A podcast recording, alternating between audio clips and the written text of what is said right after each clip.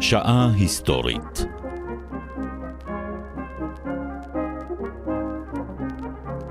ארצו של שייקספיר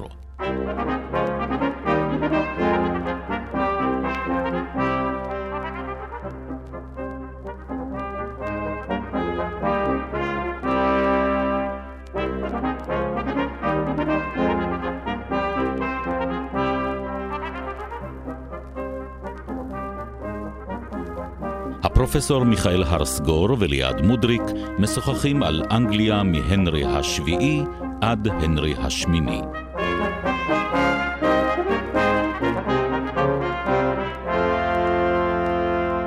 שבת שלום פרופסור. ושלום. במה נעסוק הערב? בארצו של שייקספיר. נחמד. כן, ללא ספק. גם הוא היה אדם נחמד. הכרתם, אני מבינה אישית. עדיין לא, אבל... אפשר להגיד שהיה כישרון יוצא מן הכלל, אפשר להגיד, כן. בהחלט. אבל אני רוצה להגיד לך שגם החיים הפוליטיים באנגליה היו מאוד מעניינים ערב לידתו של שייקספיר. שזה המאה ה-16. כן. למשל, אנגליה מתעוררת אחרי מלחמה שהפסידה אותה, מלחמת מאת השנים.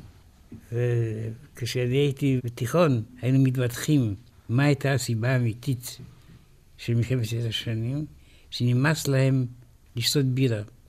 כלומר, אבל אין כרמים באנגליה, אז על כן הם חייבים לתפוס כרמים איפה שהם הבנתי. נמצאים. הבנתי. הנקודה המודגשת בטענה הזאת זה שהאזור שהם שלטו בצרפת היה אזור בורדו, שהוא מפורסם על ידי היינות והכרמים אז מאה שנים הם נלחמו על היין.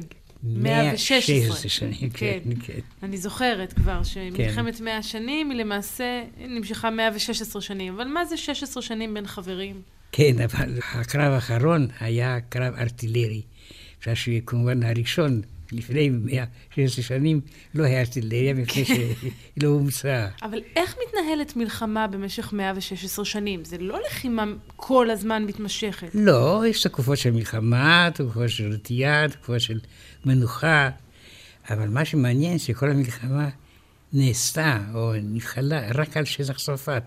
הצרפתים אף פעם לא הצליחו להגיע לאנגליה, גם לא ניסו כל כך. איך התחילה המלחמה הזו? התחילה מפני שהבעיה הייתה שהממשלה הצרפתית, כן. 116 שנה אחרי... לפני תום המלחמה. נו, שיש חוק צרפתי, שהוא למעשה חוק פרנקי, הנקרא החוק הסאלי, אשר מונע מנשים לשלוט או להעביר שלטון בצרפת. אוקיי. והאנגלים טענו שיש להם נשים נסיכות, אשר מגיע להם לשלוט בצרפת. אני כן, מבינה. כן. כלומר, הייתה נסיכה אנגליה שהיא רצה להיות... שרצתה להיות מלכת צרפת. כן, או לפחות שלטת בצרפת, כן. אבל ו- אלה שתי מדינות אה, זרות, אז מה, בקשרי נישואים כרגיל? הן או... לא כל כך זרות, מפני שהן מאוד קרובות. כן, בסדר, אבל... מקלה אפשר לראות את, אה, את החוף האנגלי כן. ביום צלול. כן, אה. אבל גם אנחנו, נגיד, ולבנון, מדינות קרובות, אבל לא היית מצפה ששתי, ששתי המדינות האלה יישלטו על ידי אותה מלכה. לא, אבל אותם היחסים קיימים גם בין לבנון לישראל היום, כפי שהתקיימו בימי הביניים בין צרפת לאנגליה. אז את- האנגלים רוצים לשלוט בצרפת, הצרפתים שולפים איזה חוק שהאנגלים מפקפקים בתקפותו, כן. לגבי היתכנותה של שליטה כזו, מכיוון שהשולטת היא אישה, לא הייתה מלכה בצרפת? מלכה הייתה תמיד אשת המלך. לא, אבל מלכה שליטה. לא, שום. לא. החוק הזה. כן, זה לא יכול להיות. מעניין. אז בעצם מלחמה פמיניסטית, פחות או יותר, כי אני רוצה להגיד לך. שהרבה אינטרסים כמובן עומדים מאחוריה. המלכי צרפת התרחמו בחוק הזה על ידי זה שהיו להם אהובות. ולאהובות היה כוח השפעה עצום, עד כדי כך שהיה בטוח שהיא שולטת ולא הוא. אז בכל זאת נעשה קצת צדק היסטורי עם הנשים בהיסטוריה הצרפתית. כן, קצת צדק בלתי חוקי. כן, הייתי בלתי אומר, חוקי כן. ובלתי רשמי. נכון. אז פורצת המלחמה הכל סביב עניין השליטה. כן, אז זה לפני שש שנים. כן. ועכשיו באה המלחמה לסופה, האנגלים לא מחזיקים מעמד, הקרב האחרון היה קרב ארטילרי, מפני שבינתיים מוצאה הארטילריה, והעיר, שהוא על שפת הים, ששם נערך הקרב, נקרא עד היום קוויון לבתאי. כלומר, קוויון, מקום הקרב. כן. כן. והקרב הזה מכריע סופית את המלחמה. בכל זאת, 116 שנים נלחמים, איך מגיעים לסוף התקופה הזאת? כן. האנגלים פשוט מאוד לא... לא נכנעו הצליחו. סופית. לא, הם לא נכנעו, הם ויתרו, הם ויתרו. כן. אם כי שמרו עיר אחת בצרפת, קלה, האנגלים. האנגלים, וזו הייתה עיר שנתנה להם כניסת רגל, אם הם רצו את זה מפני שזה היה על החוף הצרפתי. נחתם איזשהו הסכם שלום שיסיים את היו המלחמה הזאת? הסכמים- הסכמי שלום חולפים וחוזרים ויוצאים וחוזרים וכל הזמן. לאורך אותן 116 שנים. לא, כל הזמן זה נמשך הרי כן. סוף סוף. The water is wide, I cannot get on, and neither have I wings to fly. Oh, give me a boat that will carry two, and both shall go, my love and I. Down in the meadow the other day, a gathering flowers, both fine and gay, a gathering flowers, both red and blue. I little thought what love can do.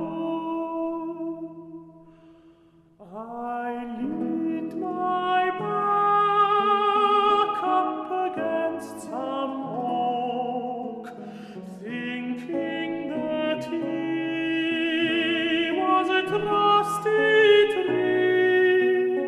But first he bent, and then he broke. And so did my false love to me. ומה שמאוד מעניין, זה שהאנגלים לקחו את סמל צרפת, פרח החבצלת, כסמל שלהם, וגם תואר מלך צרפת. עד ימי נפוליאון. נפוליאון, כשהיה הסכם בין הצרפתים לאנגלים, הוא פתאום ראה שבמסמך מלך אנגליה, ג'ו השישי, קורא לעצמו מלך צרפת. אני מצטערת, אבל אני לא מצליחה להבין את ההיגיון של אותה התקופה. אני אשמח אם תסביר לי. איך יכול מלך אנגליה לקרוא לעצמו מלך צרפת, כשצרפת מתנהלת, היא מדינה סוברנית, יש לה, יש לה מלך משלה. כן, אבל לאנגלים יש תקווה, אולי נחזור ליין, אולי גם לי נחזור יש תקווה, אז עכשיו אם אני אקרא לעצמי אז מלכת ההמנון צרפת, זה שלה- יעזור לי? ההמנון שלנו נקרא התקווה, אז בסדר. יש להבין את זה. לא, זו בישראל. יומרה קצת מוזרה, יש כבר לא, מלך זו בצרפת. טענה, זו טענה, כלומר, זה כמו שאנחנו אומרים שהמשיח יבוא, ככה שהאנגלים יקבעו שיחזרו לצרפת. הבנתי. עכשיו, כן. בעקבות ההשוואה הזו הכל ברור. כן. אז באיזה שלב האנגלים מפסיקים להכריז על עצמם כעל מלכי צרפת? אז, ב-1702, עם נפוליאון. כתבויות, כן. מעניין.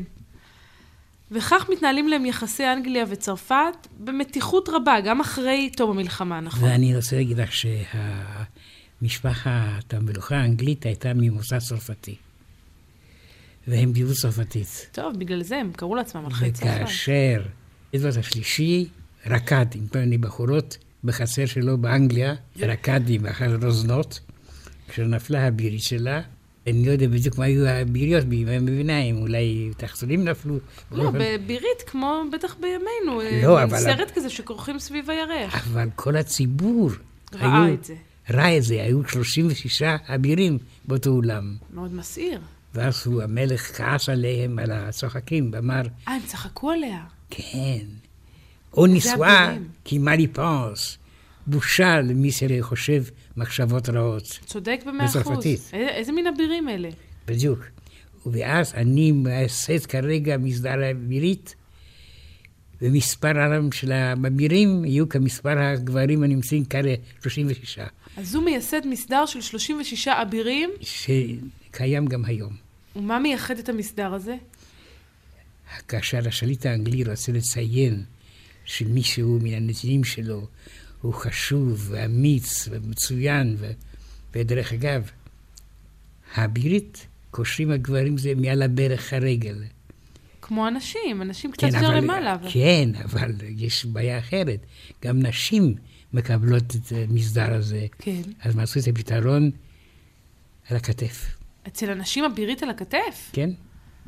בחירה מעניינת. כי הרי סוף סוף היא מרוקדת, היא באה בנסיבות. ברור, אז צריך ש... ו- והחצאית ארוכה. בוודאי, הייתי הבנתי. מראש שהיא... חייבים לשים על הכתף, זה הרי אך, אך הגיוני. ברור מאוד. אבל איך את, איך את הרגל של הגברים רואים? אלה הם הלכו עם חציות קלטיות? מה? תראי, המכנסיים זאת המצאה דמוקרטית. בימי הביניים תמיד המכנס מגיע עד הברך. אה, נכון, עם הגרביונים. כן. אני מבינה. עכשיו הכל ברור, אני רואה את התמונה לנגד עיניי. אז זה היה מסדר הבירית. ו- כן, וישנו, זה כבר- עדיין, כן. קיים. בהחלט. כן. שמייסד אותו אדוארד השלישי, כן. שזה מאוד מעניין שמלך אנגליה באמת מדבר צרפתית. כי המשפחה שלו היא צרפתית, פלנטג'נה. הם באו מצרפת, וכל הזמן הם באו צרפתית. והאצולה האנגלית מדברת גם היא צרפתית? אל תשכחי שהנורמנים כבשו את אנגליה ב-1966, והם היו מאוד גאים. האב הקדמון שלי השתתף בכיבוש אנגליה, כלומר, מי הם היו נורמנדים? הם היו ויקינגים שהצטרפתו. מעניין. כן. איך מצטרפתים? כלומר, לומדים מהבחינה... לא את השפה. הלאומית אני מתכוונת, כן. כן. לומדים את השפה, ודרך אגב, היו לי חברים באוניברסיטה של פריס, ממוצא נורמנדי, שכל הזמן התגאו שהם גדולים וחזקים ובלונדינים. ואותם נורמנדים הם למעשה אבות אבותיהם של האנגלים. כן. אז למה במלחמת 116 השנים לא קם אף אדם שיאמר, אחים אנחנו, צאצאים לאותם אין נורמנדים ש- משותפים? אין, אין שנאה כל כך נכונה ועמוקה כמו קרב משפחה אחת. מעניין. ושהמשפחה הזו כוללת בתוכה את אנגליה וצרפת, על אחת כמה וכמה. יש גם סצנות, כשנדבר על שייקספיר, יש גם סצנה כאשר שיחה צרפתייה חייבת ללמוד אנגלית, ואפקטים מאוד מצחיקים.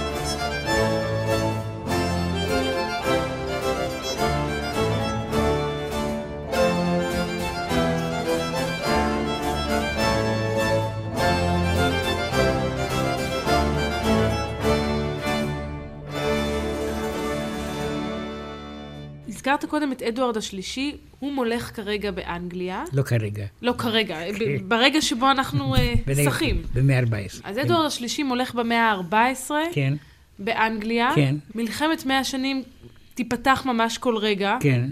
בעזרתו. מבחינה צבאית, אגב, הוא ידע מה הוא עושה? הוא פותח עכשיו במלחמה שתימשך 116 כן, שנים? הוא לא ידע שזה תימשך כל כך הרבה, אבל היו גם ניצחונות אה, משני הצדדים, אבל בדרך כלל האנגלים ניצחו עד המפלה האחרונה. עד המפ... טוב. כן. אז זה בעייתי לנצח כל הזמן עד המפלה לא, האחרונה. יש לנו דוגמאות בהיסטוריה רבות מאוד, כמו מר נפוליאון, היטלר. יחי ההבדל הקטן בין היטלר אה, לבין... ההבדל הוא כן. אדוארד לא כל כך השלישי. קטן, אבל אה, מה שדומה זה שהם היו בטוחים בניצחון, והכל הסתיים במפלה, מצלצלת. מי תופס את מקומו של אדוארד השלישי? הבנים שלו, השושלת קיימת, בבית פלנטג'נה. ועכשיו אנחנו מגיעים כבר ב-16, עד עכשיו היינו בתחילת אה, מלחמת 100 השנים, אנחנו עוברים עכשיו מן המאה ה-14 אל המאה ה-15, בדרכנו אל המאה ה-16, בדיוק, בדרכנו הארוכה. כן. והמפותלת. המצב הוא שהצרפתים מצליחים איכשהו לדחוף את האנגלים פחות או יותר החוצה. האנגלים מתעקשים להישאר כמובן. באה עכשיו תקופה מאוד סוערת, ועכשיו אנחנו מגיעים למלחמת אזרחים, חריפה מאוד, כאשר בית המלוכה מתחלק באנגליה לשתי סיעות, אשר יש להם שמות מאוד רוחניים, אפילו יותר ריחניים. ריחניים? כן, מלחמת השושנים. נחמד. כן. היא הייתה באמת נחמדה וריחנית המלחמה הזו, או שהיא הייתה לא, עקובה מדם? בדיוק, כפי שאת אומרת, את צודקת. אבל מה, הסמלים היו שתי שושנים, השושנה האדומה של לנקסטר והשושנה הלבנה של יורק. אלה, לנקסטר נגד יורק. כן. מי הם שני האנשים האלה? אלה הם חלקים של שושלת אחת, אשר כפי שאת יודעת, אין שנאה כל כך טובה כמו שנאה בפני המשפחה. אני יודעת כי אתה סיפרת לי, אצלנו במשפחה כולם אוהבים אחד את השני. טוב, אנחנו ישראלים. אז הם שני, שני חלקים באותה שושלת. כן, ויש לו חבילה שלטון. וכרגע אנחנו מגיעים לסוף המאה.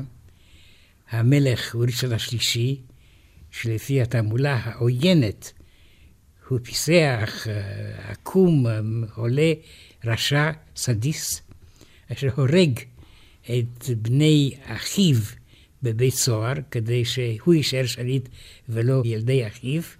ועכשיו מגיעים לקרב בבוסוורט ב-1485.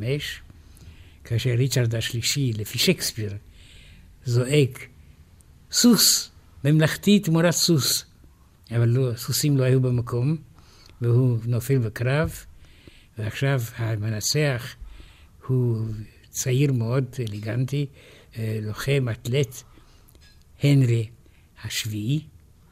אבל אני מנסה לחבר בין הנרי וריצ'רד שנלחמים לבין לנקסטר ויורק. זהו זה, זהו זה. מי הוא מי? ריצ'רד הוא יורק. כן. ו- משושלת יורק. כן, כן. זו שושלת אחת למעשה. כן, שני ענפים. מפלג יורק כן, בתוך כן, השושלת כן, האחת. כן. והנרי הוא משושלת, או מהפלג של משפחת לנקסטר. כן. ועכשיו, הנרי מגיע לפתרון מאוד יפה ואסתטי. הוא ממציא פרח חדש, שיש לו עלים גם אדומים וגם לבנים. איך אפשר להמציא פרח כזה?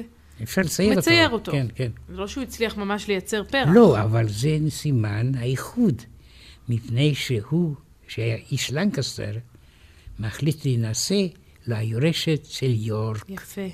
כן, זה הוא היה אדם נבון מאוד. נבון מאוד, אבל הוא מתחתן בתוך המשפחה, שזה לא מומלץ. והם שני ענפים עוינים של המשפחה.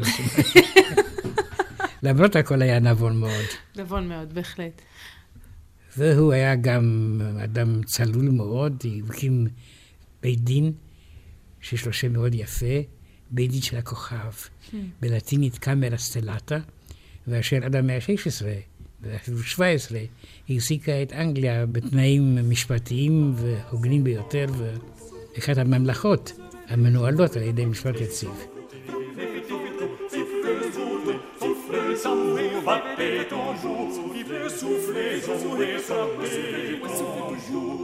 Aventuriers, bons compagnons, ensemble croisez vos bâtons.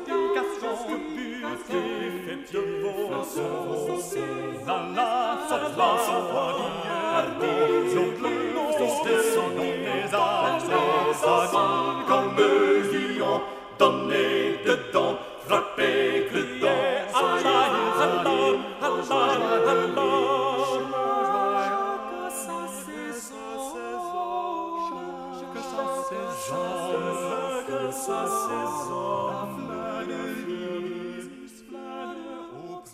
ומעניין שהאיש ששם קץ למלחמה, זה הנרי השביעי, לא הגיע בקלות לשלטון. הוא היה חייב להתמודד עם מעידות נגדו. כל פעם הופיעו אנשים שטענו שהם היורשים האמיתיים, מי אתה ואיפה באת? לא היו מסמכים? היו קרבות, באמצע הקרב אי אפשר לבדוק את המסמך. אני מבינה. היה למשל אדם בראש סיעה, למבט סימואל, אשר טען שהוא-הוא למעשה המלך החוקי. והנרי, ש- שתפס אותו, כי ניצח אותו בקרב, שיכול היה כל כך קל להרוג אותו, הוא מינה אותו עובד במטבח המלכותי. משפיל. לא, זה קודם כל משביע רצון. אבל בכל זאת, זה צעד. מי שרוצה, מתיימר להיות מלך, בסופו של דבר מוצא את עצמו... זאת השפלה. בהחלט. אבל זה לא אכזרי.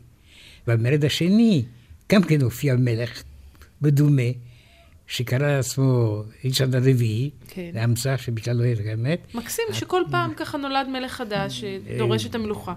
אה, כלומר בעין עצמו הוא מלך. בוודאי. כן. והוא הוצא להורג. אה, ואז בא שקט על אנגליה. הוצאה להורג אחת, כן. פותרת את כל העניין. ועכשיו אמרתי לך שהוא נשא את היורשת של השושלת כן. המנוגדת, העוינת, ונולדים להם ילדים. בשעה טובה. כן, תביא שאחד מהילדים היה די אה, מפריע. מפריע. כן. אז מה נעשה לו, פרופסור? הראשון היה בחור טוב, כן, אבל הוא מת. עליו השלום. ומה קרה? איך הוא היה- מת? הוא נשוי, הראשון שמת? כן. כן. ואח שלו, הנרי, שיהיה הנרי השמיני, חייב עכשיו לרשת. והאביו, הנרי השביעי, כן. אמר לו, אתה יודע מה, יש לך כאן כלה של אחיך המת, קח אותה. כן. ממש מצוות ייבום. גרסת אנגליה. הם ידעו שזה בהתאם לחוק היהודי כן. העתיק, אבל היות והם לא יהודים, לא. הם פנו לאפיפיור, והוא נתן להם הסכם. אבל למה בכלל שהוא ירצה לשאת אותה? הוא היה מאוהב בה, או שהיה בזה אינטרס לא, פוליטי? או... כן. אה, היא הביאה דודוניה גדולה מאוד, אני מבינה. ואם היא חוזרת, אז- ברור, מוצאת- לוקחת איתה את הנדוניה, מה יישאר כן. לאנרי השמיני המסכן? בדיוק. ככה שהיה אינטרס כלכלי ברור. היא לא ידעה כל כך אנגלית, אבל היא מילאה את תפקידה. אלא שהנרי השמיני הייתה אישיות יוצאת מן הכלל. הוא היה שמנמן, חריף מאוד, משכיל מאוד, הוא דיבר לטינית שוטפת, מה שאחרי זה לטובתו, מפני שהוא יכתוב ספר לטובת הדת הקתולית, ויקבל מטעם האפיפיור תואר מפואר, מגן הדת, פידה דפנסור, אשר עד היום הופיע על המטבעות האנגלים. כן. כתואר שני למלך אנגליה או מלכת אנגליה כן, במקרה תמיד, שלנו. כן. הזכרת קודם את האישה של האח המת. כן, צריך לומר שמדובר בעצם בבת מלוכה ספרדיה, כן, נכון, קטרינה? כן, מפני שהביאו אותה, מפני שהם היו אויבי צרפת. ועל כן צרפת הייתה מוחזקת על ידי שני אויבים, אחד בצפון, אנגליה, אחד בדרום, ספרד. נתונה וחי- בתוך הצוות הזה. כן, וקטרינה לא ילדה ילדים לאח המת. לא. ויותר מזה, היא גם לא הצליחה ללדת בן זכר להנרי השמיני. כן, וזאת הייתה הבעיה שלו, מפני שמשפחת טיודור, המשפחה שלו, הייתה חייבת להימשך, גם בדורות הבאים. ואני, אפשר להגיד שהנרי השמיני היה לא מתנזל בכלל. לא מתנזר. לא, בכלל. לא, הוא לא היה מתנזר, זה... נדמה לי שעכשיו אתה נתת פה את האנדרסטייטמנט של המאה. עדיין לא הגעתי לשש אנשים שלו. לא, כלומר, אנחנו רק ל- בראשונה. ל- לראשונה. עוד כן. היד נטויה. Come again, sweet love doth now invite. Thy grace is that refrain to do me due delight. To see, to hear, to touch, to kiss, to die with thee again in sweet sympathy. To see, to hear, to touch, to kiss, to die with thee again in sweet sympathy. ואז הוא מתאהב, והוא רוצה לשאת בחורה אחת שחומה עם עיניים שחורות, בשם עין בולין. אבל האפיפיור לא נותן לו.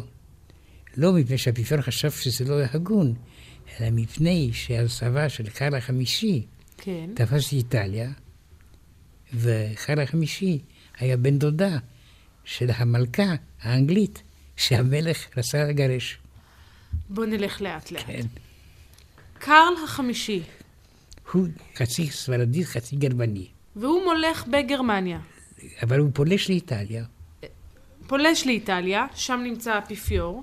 והאפיפיור פתאום מקבל איגרת מהנרי השמיני, בבקשה, תרשה לי לשאת אישה, אישה חדשה. אחרת. כן, אבל דודתו של קרל החמישי היא אותה קטרינה המסכנה, שבעלה הראשון מת, לצערנו הרב, ובעלה השני לא רוצה בה כי היא לא מצליחה להוליד בן זכר. כן. אז האפיפיור חושש שאם הוא יאפשר להנרי השמיני לשאת אישה חדשה על פניה של קטרינה, קרל החמישי, ששולט עכשיו באיטליה, יתנכל לו. בדיוק. פשוט מאוד. פשוט, אבל לא כל כך נעים לאפיפיור. גם לא להנרי השמיני. לא, רגע, אבל זה יגרור למאורעות אה, מפתיעים ביותר. כי לא מלך כמו הנרי השמיני יוותר לאפיפיור. כן, והוא מעדיף לוותר על הדת הקתולית.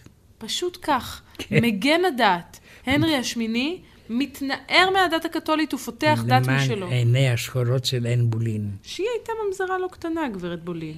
היא חונכה בצרפת, היא ידעה צרפתית, היא הייתה משכילה, היא כתבה מכתבים יפים, והיא לא התנזרה מכל מיני מקומות. אה, גם היא לא והם- התנזרה. כן. מקסים. אז הם ראויים זה לזה. הם מתחתנים, ופתאום הנרי השמיני, הודות לכל מיני אנשי חצר שהלשינו, מגלה שיש לה סדרה שלמה של ידידים קרובים, קרובים מאוד. כן, ללא ספק, שהיא למעשה בוגדת בו. אז אחרי שהוא מקים בשבילה דת חדשה, כן. הדת האנגליקנית, שאני כן. מתארת לעצמי שזה גם עניין לא פשוט. לא יש פשוט. לזה גם השלכות ו- כלכליות. הרבה סבל, כי הרי הוא רדף, עכשיו הוא רודף את הקתולים, ומשפיל אותם. אה, הוא מנ- משפיל את הקתולים. כמובן, מי שלא מקבל את החוק המכריז על עצמו כראש הכנסייה האנגלית, עכשיו נרדף. אני מבינה. והמנזרים מתפזרים, וכל מיני אנשי כנסייה נאסרים והמוצאים להורג. והיא בינתיים, יש לה ידידים קרובים. כן. ומישהו מלשין למלך, הוא אומר, יש לה ידידים קרובים. והוא כועס מאוד. אבל בינתיים הוא מתאהב באישה אחרת. באישה אחרת. כן, ג'יין סיימור. הוא כל כך מתאהב בה, שרק יום אחד אחרי הוצאתה להורג של אשתו השנייה, עין בולין, הוא עכשיו נושא לאישה את אשתו השלישית. ג'יין סיימור. אז תכף אני רוצה לדבר איתך עוד על ההוצאה להורג של אן בולין, אבל לפני כן שאלה על האישה הראשונה, קטרינה. מה המעמד שלה? היא עכשיו מגורשת? היא... היא שמה, את יודעת, הקתולים מחזיקים את המעמד במנזר, מתפללים, אה, היא נותרה קתולית, כן, בוודאי, והוא מתגרש ממנה. כן. היא עדיין נשארת בארמון?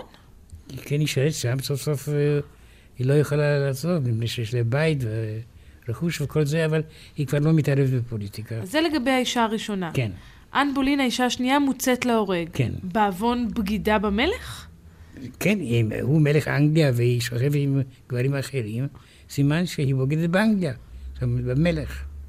ובזה מסתיים עניינה. ועכשיו מגיע תורה של המלכה השלישית. ג'יין סיימור, שהייתה פחות מצורפתת, אבל איזו מין מלכה הייתה ג'יין סימור? הרבה יותר צנועה, פחות אה, בולטת, פחות צעקנית. יותר נאמנה? כן, מפני שהיא באמת ילדה לו בן. בשעה טובה. והוא לא חשד, לא באותו בן, לא באותו אישה. היא ילדה לו את היורש העשר שכל כך הוא ציווה שיופיע, אדוארד, אשר בהיותו מלך, יהיה אדוארד השישי. אבל הוא היה מאוד חלש, כן. מאוד חולני. חלש, חולני, כן. והוא לא ימלוך הרבה זמן, לא, אבל זה כבר בדור הבא. שלשם עוד נגיע. כן, אז יש לו בינתיים את אדוארד, כן. ויש לו עוד בנות מאן בולין ומקטרינה. אבל הן מוכרזות ממזרות. ממזרות. כן. אף על פי שהן ילדו בזמן הנישואים. כן, אבל אמותיהם היו כאלה שמוטב אה, לא לתת להם אה, יכולת ירושה. אז קטרינה יולדת את מרי, אן בולין יולדת את אליזבת, וג'יין יולדת את אדוארד. כן. משפחה מורחבת ומאושרת. עכשיו, מה עושים? מפני ש... הוא אה, מתאהב באישה חדשה. לא, היא לא- הוא לא אשם, ג'יימס אמור מתה. אה, היא מתה, כן, באופן טבעי. כן, במקרה. היום הישראלים אומרים שבגלל תנאי היגיינה, היא מתה בגלל תנאי היגיינה. כן? בזמן הלידה קרה משהו, אהה. שכל התהליך הזה לא ברור לי, כי זה לא המקצוע שלי. מאה אחוז, לא ניכנס והיא לפרטים. הלכה לעולמה, ועכשיו הוא נשאר שוב בלי אישה. מסכן, בודד כל כך. יש לי תחושה שתכף תגיע בריצה אישה מספר 4.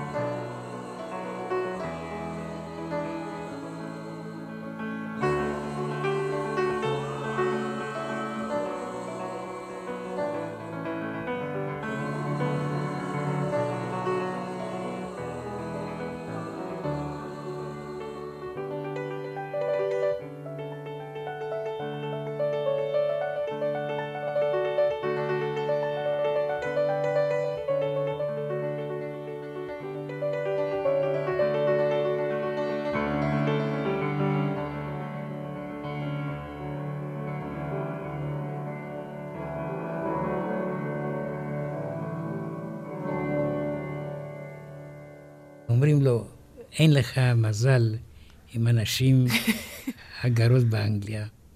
אולי תרחיק את המבט שלך מעבר לגבול. בגרמניה יש כל כך הרבה בחורות יפות. למשל, אומרים לו, יש זו כסות בגרמניה, גלבה, ושם אומרים שיש בחורה מאוד יפה, בתו של השליט. ואני רוצה להגיד לך שהדבר הזה, אני הכרתי אותו, ואני כתבתי ספר על דוקסות גלבה בגרמנית, יצא עוד בברלין, כן. ואני מכיר את הפן השני של הפרשה הזאת. של איך הדוכסות בקלבר רצתה את השידוך עם הנרי השמיני. כן. קודם כל, הנרי השמיני שלח צייר כישרוני ביותר, אנס אולביין, כדי שהנרי יראה את תמונת... בוודאי. כן. לא קונים חתול בשק? אבל הצייר בא עם התמונות הקיימות עד עצם היום הזה, כן.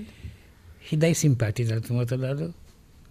וכאשר לא- היא מגיעה, הנרי חושב שהיא לא דומה לתמונות, והוא אומר בקול רם, מי שלח לי את הסוסה ההולנדית הזאת? ככה הוא אומר? כן. והיא לא שמעה. אה, מזל שהיא לא שמעה. אבל אחרים שמעו. ואז כולם משבחים היום, ההיסטוריונים, את הנרי. משבחים אותו? כן, על מה יש היא- לשבח אותו? על גסות רוח? רגע, מפני שהוא מציע לה הסדר כספי מאוד מאוד נוח. בתים, אחוזות, בתנאים... רגע, הוא מתחתן איתה, אף על פי שהוא הוא חושב שהיא סוסה התחתן איתה הולנדית? בעניין כמה ימים. אחרי כמה ימים הוא מגורש? מכריז שאין חתונה, ה- הכל אה, לא חוקי, וכן, אז הוא מתחתן איתה, ואחרי כמה ימים מבטל את החתונה? כן. ונותן לה אחוזות. בדיוק. אין לי והיא- מה להגיד, ו- זו ו- התנהלות והיא- מוזרה ביותר. ורגע, היום הארמונות הללו שהוא קיבל, את הבתים, הם מוזיאון.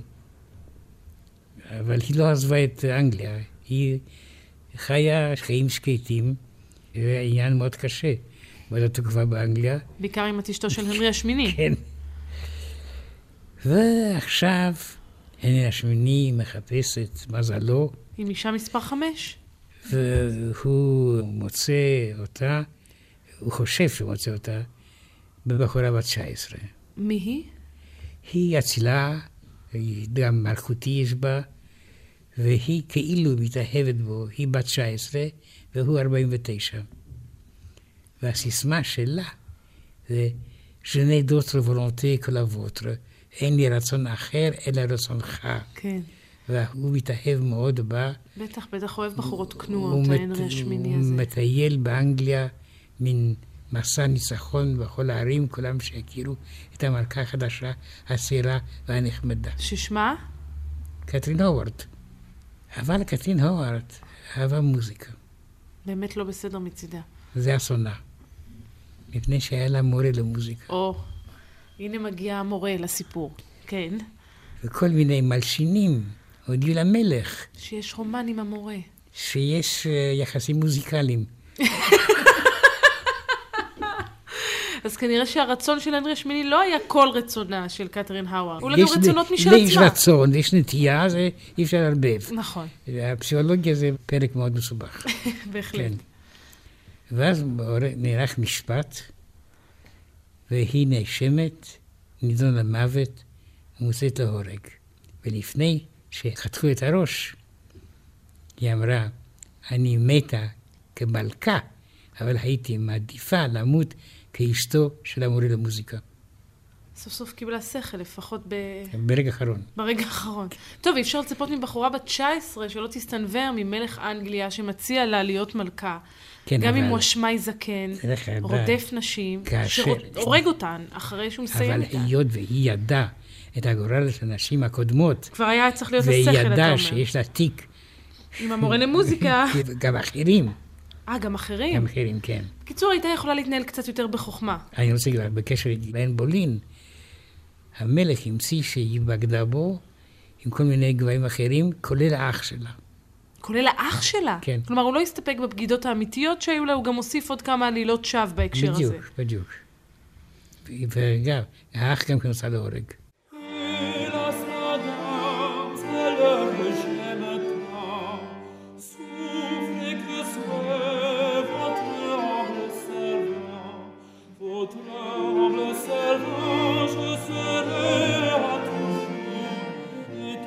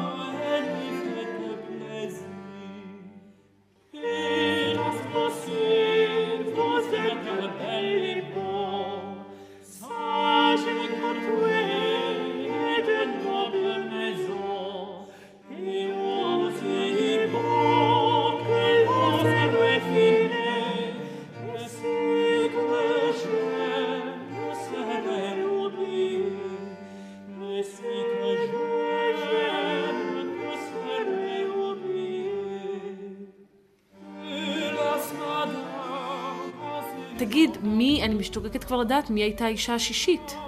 קצינה פר. עוד קטרינה? כן? והפעם דבר מאוד מעניין. קטרינה פר הייתה אלמנה כפולה. כלומר, היא קברה שני בעלים הקודמים. עדיין הוא מנצח אותה בהליכה, הנרי. ואז הוא חושב, אה, עכשיו אני יכול להיות בטוח. הוא נושא, הוא נושא את האישה, כן. הוא מת. או, בשעה טובה! לא, סוף סוף יש מישהי שם... מפני שאחרי שהוא מת, היא נישאת לו האהבה. אחרי שהוא מת, היא ניס... כלומר, היא כבר היא אז הייתה- אלמנה משולשת, כן. והיא מתחתנת עם בחור רביעי, כן. שהוא לא חושש להתחתן איתה, ואשר מוליד לה ילד, אבל לא ימות, הבחור הרביעי, הבעל הרביעי. הוא ימות ממחלות. אז הוא גם ימות. כל, כל כן. לא, כל אחד מת, אבל היא תש- היא תהיה כבר אלמנה מרובעת? זאת השאלה שלי. לא. אה, היא תמות לפניו, שלושת, משולשת. כן. טוב, זו בהחלט הייתה תקופה סוערת, אין ספק. אפשר להבין שלשייקספיר היה הרבה על מה לכתוב. בדיוק. באיזה אזור המלך מספק למחזאים נושאים כל כך בוערים ומושכים. יש כמה דוגמאות גם מהעת המודרנית, אבל נשאיר אותן בצד. לא ככה. לא כאלה. שש נשים. כן. לא, לא כאלה, זה נכון. שחלקן מתות בנסיבות לא נעימות. ואני רוצה להגיד לך שהנרי השפיע עליי בצורה מאוד שלילית. אני, כשהייתי תלמיד, כתבתי בבחינה שהנרי השישי היה שמונה נשים. במקום שלהנרי השמיני היו שש. בדיוק. טוב, אתה היסטוריון, לא הייתי מנדיב מתמטיקאי. לב, רציתי להוסיף לו תענוגות. אבל דיברנו והתעסקנו מטבע הדברים, כי זה מה שמעניין אותנו, בני אנוש, רכלנים שכמותנו. בהנרי השמיני, מה- מזווית ה- מהזווית האישית. רגע, עכשיו עוד פרט קטן. כן. אשר הנרי השני מת, הבן שלו היה עדיין לא גבר. זה אלא מה- אדוארד. אדוארד השישי, השישי. כן. ואז חייב- החולני, החלש. כן, ואז חייבים להקים מועצת עוצרים, שתנהל את המדינה. אבל היה גם דוד, אדוארד סיימור, עוד אדוארד. עוד סיימור, כלומר, הוא היה אחיה של ג'יין, האישה השלישית. בדיוק. כן, ועכשיו, היות והדוד הוא של המלך, והמלך הוא חלש, כן. אז הוא, במקום להיות חבר במועצת האוצרות, הוא עושה את עצמו עוצר יחיד. אז הוא בעצם שולט באנגליה. אבל נפשות טובות מגלות שהוא בוגד, גם הוא בוגד. אבל הוא הוא... נידון למוות והוא הוצא להורג. מה, אבל הוא בוגד בעזרה לצרפתים? באיזה סוג של בגידה מדובר? שהוא ביזר אותה מועצת האוצרות ועשה את עצמו עוצר יחיד. הבנתי. זו אווירה מאוד נעימה בחצר שם. מאוד נעימה. אז הוא מוצא להורג, כן. מועצת העוצרים מנהלת את המדינה, עד שאדוארד מתבגר. כן. והוא נעשה ואני מלך. רוצה להזכיר שאדוארד הזה, הנער, הוא הגיבור של הרומן של מרק טוויין, שהוא לא היסטורי דרך אגב, כן. אה, בין המלך ואני. ואז הוא התבגר והופך למלך. כן, אבל היות וגיל הבגרות הוא 13, היה מלך מאוד מאוד צעיר, תחת השפעתו המוחלטת של הדוד שלו. שאחר כך מוצא להורג, כן. ואחר כך מועצת העוצרים, כן. אבל הוא מת מהר מאוד גם. כן. תוך ארבעה חודשים למעשה הוא מחזיר את נשמתו כן. לבורא. ועכשיו אנגליה כמובן נמצאת על סף מלחמת אזרחים חדשה.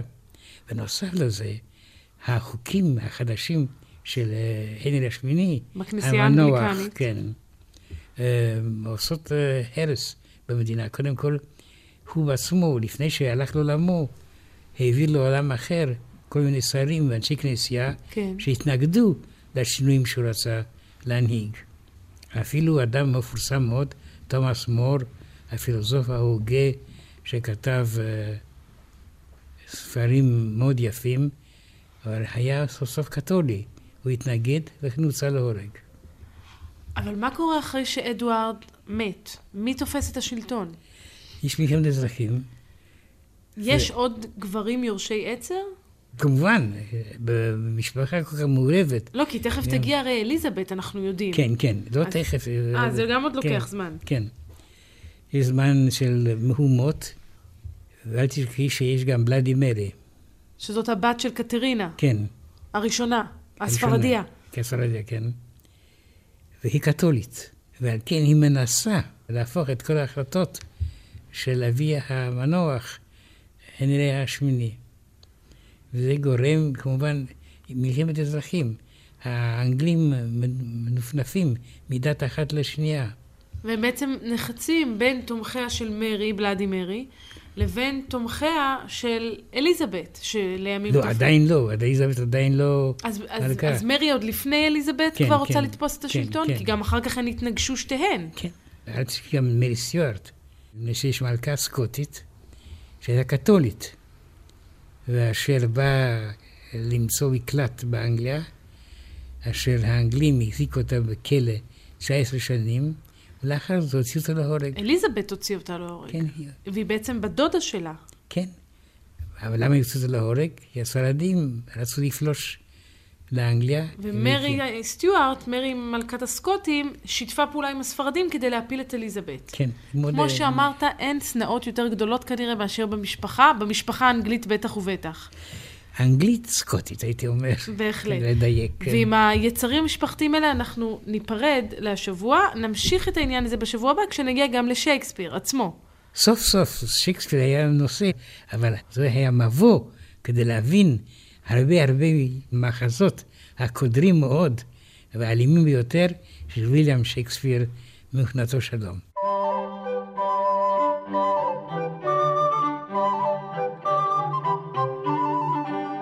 שעה היסטורית. ארצו של שייקספיר. הפרופסור מיכאל הרסגור וליעד מודריק שוחחו על אנגליה מהנרי השביעי עד הנרי השמיני.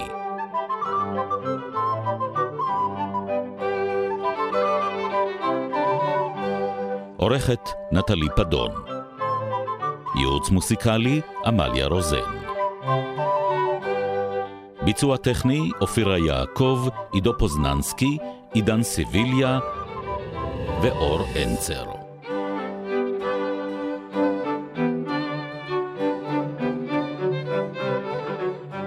בתוכנית הושמעו קטעים מוסיקליים את המלחינים פורסל, פרטוריוס, דולנד, וסקז, ורדלות וריק וייקמן. כמו כן הושמעו שירי עם אנגליים.